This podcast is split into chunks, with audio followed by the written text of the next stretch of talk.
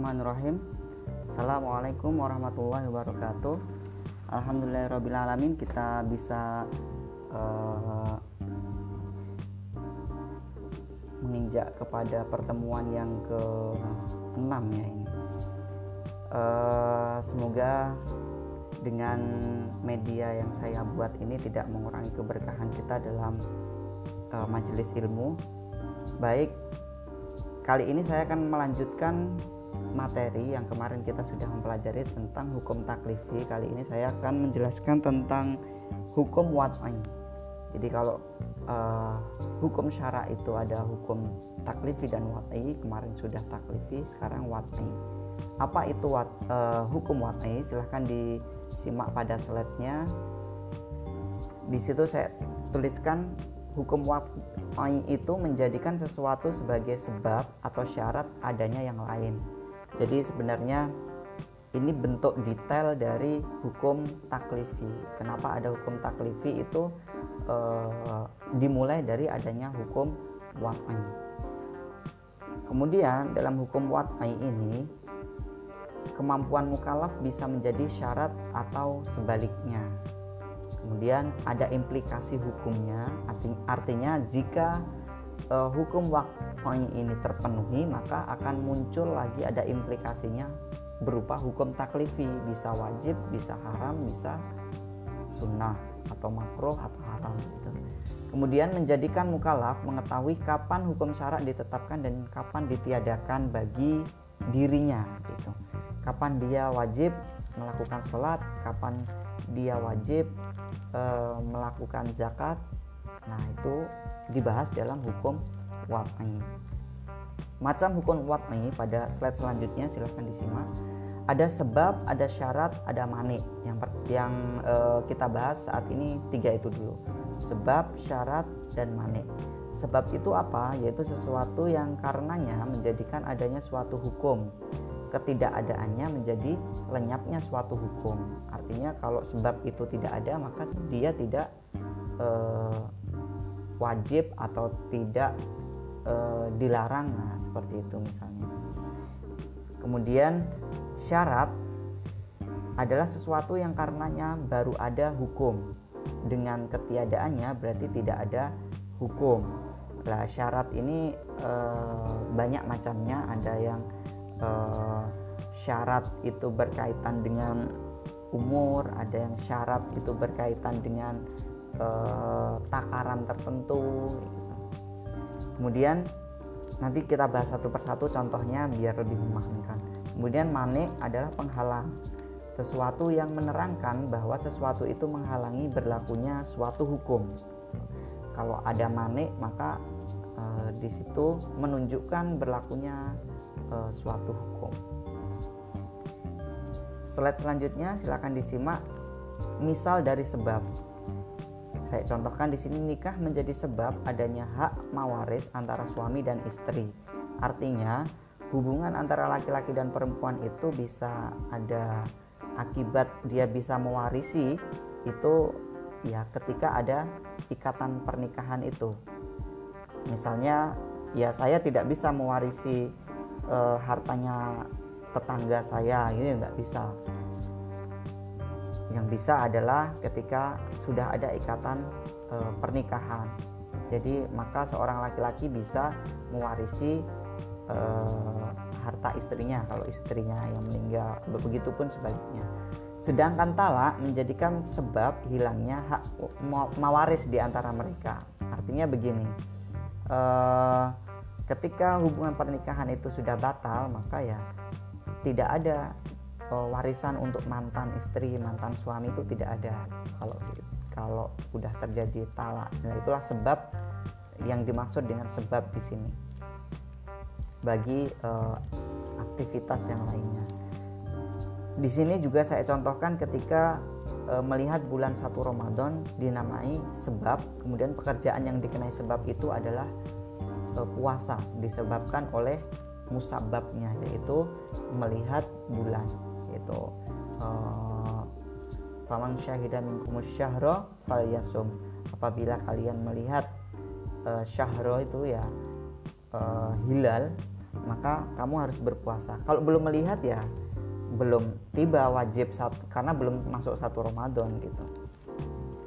Kemudian eh, tindak pidana syar'i yang menjadikan sebagai bagi eh, sebab bagi langkah selanjutnya. Misalnya seseorang itu bisa dihukum eh, kisos atau dihukum eh, potong tangan itu ya karena ada sebabnya tidak tiba-tiba kok di itu tiba-tiba kok dipotong tangannya gitu. kan ada sebabnya dan itu perlu ada kajian apakah secara sengaja atau tidak apakah karena terpaksa atau tidak itu. Makanya tindak pidana itu bisa menyebabkan langkah selanjutnya yaitu hukuman itu.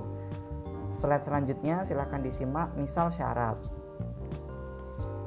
syarat contohnya di sini adalah haul. Haul itu waktu di mana kita wajib kapan wajib melakukan zakat yaitu genap satu tahun. Adalah syarat wajibnya zakat harta perniagaan. Kemudian e, di sini disebutkan berarti kalau haul ini menjadi syarat berarti kalau haul belum tercapai maka tidak wajib zakat. Secara usul fikihnya begitu. La zakata fi mali hatta yahula alaihil haul tidak ada zakat bagi harta yang dia tidak atau belum mencapai haulnya yaitu genap satu tahun. Memiliki harta banyak tapi belum genap satu tahun ya maka e, belum wajib zakat. Kemudian wudhu adalah syarat untuk sahnya sholat. Layak balullah sholat ahadukum ida ahdatsa hatta e, yatawaddo. Sampai dia wudhu jadi seseorang tidak akan diterima sholatnya sampai dia berwudhu makanya orang bisa sholat syaratnya ya harus wudhu dulu gitu. La nikaha illa biwaliyin wa syahida adlin. Ini saya contohkan lagi bahwasanya menghadirkan wali dan saksi adalah syarat sahnya pernikahan. Yang wajib e, menghadirkan wali adalah dari pihak perempuan. Ini berdasarkan hadis ini. La nikaha illa biwaliyin wa syahidi adlin wa syahida adlin. Itu terkait dengan e, contoh syarat hukum wa'i syarat. Contohnya tadi slide selanjutnya misal mane. Haid menghalangi berkewajiban sholat bagi wanita. Jadi e, peristiwa atau kondisi yang mana kalau itu memang terjadi menimbulkan mane menimbulkan e, larangan untuk melakukan amalan yang lainnya Misal di sini dalam hadis Bukhari Muslim alaisa idza haudat lam tusalli wa lam tasum fadalika uh, nuqsanu diniha. Artinya di sini kalau kalian itu sedang haid maka ya jangan kalian sholat, jangan kalian berpuasa. Namun di sini harus dikodok di uh, waktu yang lain. Artinya tidak menghilangkan kewajibannya uh, artinya kalau yang berpuasa ya kalau sholat kan tidak dikodok kalau haid kemudian uh, najis pada pakaian seseorang yang sedang sholat menghalangi sahnya sholat nah, itu jadi benda najis itu bisa menimbulkan mane atau penghalang ketika orang mau sholat. Makanya kalau kalian mau sholat terus uh, terkena najis berarti ya harus ganti pakaian. Dan disucikan najisnya itu. Kemudian gila mencegah adanya taklif dalam transaksi jual beli. Jadi ada memang di sini e, orang gila itu transaksinya dianggap tidak sah. Jadi artinya di situ ada mane, ada pencegahan, menghalangi gitu, terhadap transaksi jual beli. Artinya jual beli itu akan menjadi sah ketika memang dilakukan orang yang benar-benar sadar, alim, orang yang waras. Kemudian selain tiga itu ada yang disebut dengan azimah. Slide selanjutnya silahkan disimak. Yaitu hukum syara yang pokok dan berlaku untuk umum bagi seluruh mukalaf dan dalam semua keadaan dan waktu. Nah, ini azimah itu e, bisa dikatakan sebagai e, apa ya? hukum pokoknya. Jadi semestinya gitu dan berlaku secara umum pada umumnya. Berarti nanti ada yang tidak umum. Nanti ada yang disebut dengan rukhsah. Pada umumnya itu ya semua muslim itu wajib sholat azimahnya. Sholat lima waktu sehari semalam puasa pada bulan Ramadan satu bulan penuh. Tapi apakah e, itu berlaku setiap waktu dan setiap kondisi? Ternyata nanti di slide selanjutnya silahkan dibuka ada yang namanya rukhsah keringanan. Berarti melihat mukalaf itu e, bagaimana e, kondisinya. Mukalaf ya bukan mualaf beda mualaf orang baru nikah. Mukalaf itu orang yang sudah dibebani hukum. Macam rukhsah silahkan disimak. Ada dua. Di situ keringanan dengan bolehnya meninggalkan kewajiban karena ada uzur masyakoh ada kesulitan. Kemudian e, misal kodok puasa bagi musafir dan pasien ada masyakoh di sana ada kesulitan. Keringanan kalau kalian tidak merasa kesulitan mau lanjut puasa ya silahkan saja. Tapi kalau bagi pasien kan yang menentukan tidak apa-apa dan apa-apa kan dokter. Kamu merasa tidak apa-apa tapi dokter menyatakan itu berbahaya buat kesehatan kamu ya harus ditaati maka harus dikodok nanti kalau sudah sehat. Kemudian keringanan dengan bolehnya tidak terpenuhi syarat-syarat pada umumnya. Misal tak adanya barang dalam akad jual beli. Nah ini ada e, misal ada yang menyaratkan bahwasanya keberadaan barang itu termasuk syarat asahnya terjadinya jual beli. Padahal ada e, keringanan juga ketika misal ditunjukkan foto kayak gitu. Maka di situ ada keringanan di sana. Pada transaksi salam atau pesanan. Nah orang mesen kan ya dibuatkan ada barangnya setelah terjadi transaksi deal-dealan gitu. Karena memang modelnya adalah salam pesanan gitu.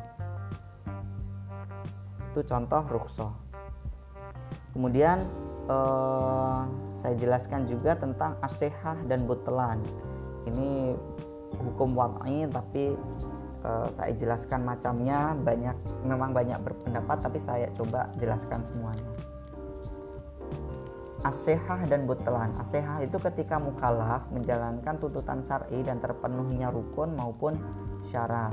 Itu sehah jadi rukun dan syaratnya terpenuhi. Dalam hal ini ibadah disebut benar sedangkan muamalat disebut sebagai sah. Jual beli sah ya ketika rukun dan syaratnya dilakukan. Rukunnya apa? Ya ada penjual ada pembeli ada barang. Tapi barang itu bisa uh, ada waktu itu ada dalam majelis ada nanti berupa pesanan. Nah itu kan bisa dimasukkan ke dalam syarat. Kemudian uh, sholat. Ya sholat rukun-rukunnya terpenuhi uh, syarat sahnya terpenuhi. Ya itu berarti ibadahnya itu sehat. Artinya ya sehat gitu. Kemudian kalau butlan ya ketika berarti sebaliknya ada ada e, misalnya e, syaratnya tidak terpenuhi maka di situ misal dalam haji harus membayar e, dam atau fidyah gitu. Menurut Hanafi dalam kaitannya dengan akad terbagi menjadi batal dan fasid. Misal jual beli yang dilakukan anak kecil atau barang yang tidak real itu bisa batal jika harga tidak diketahui maka bisa fasad artinya tidak jelas harganya. Namun pada prakteknya itu bisa teknis ya mungkin itu yang bisa saya sampaikan. Wallahu alam bisawab akhirul kalam. Assalamualaikum warahmatullahi wabarakatuh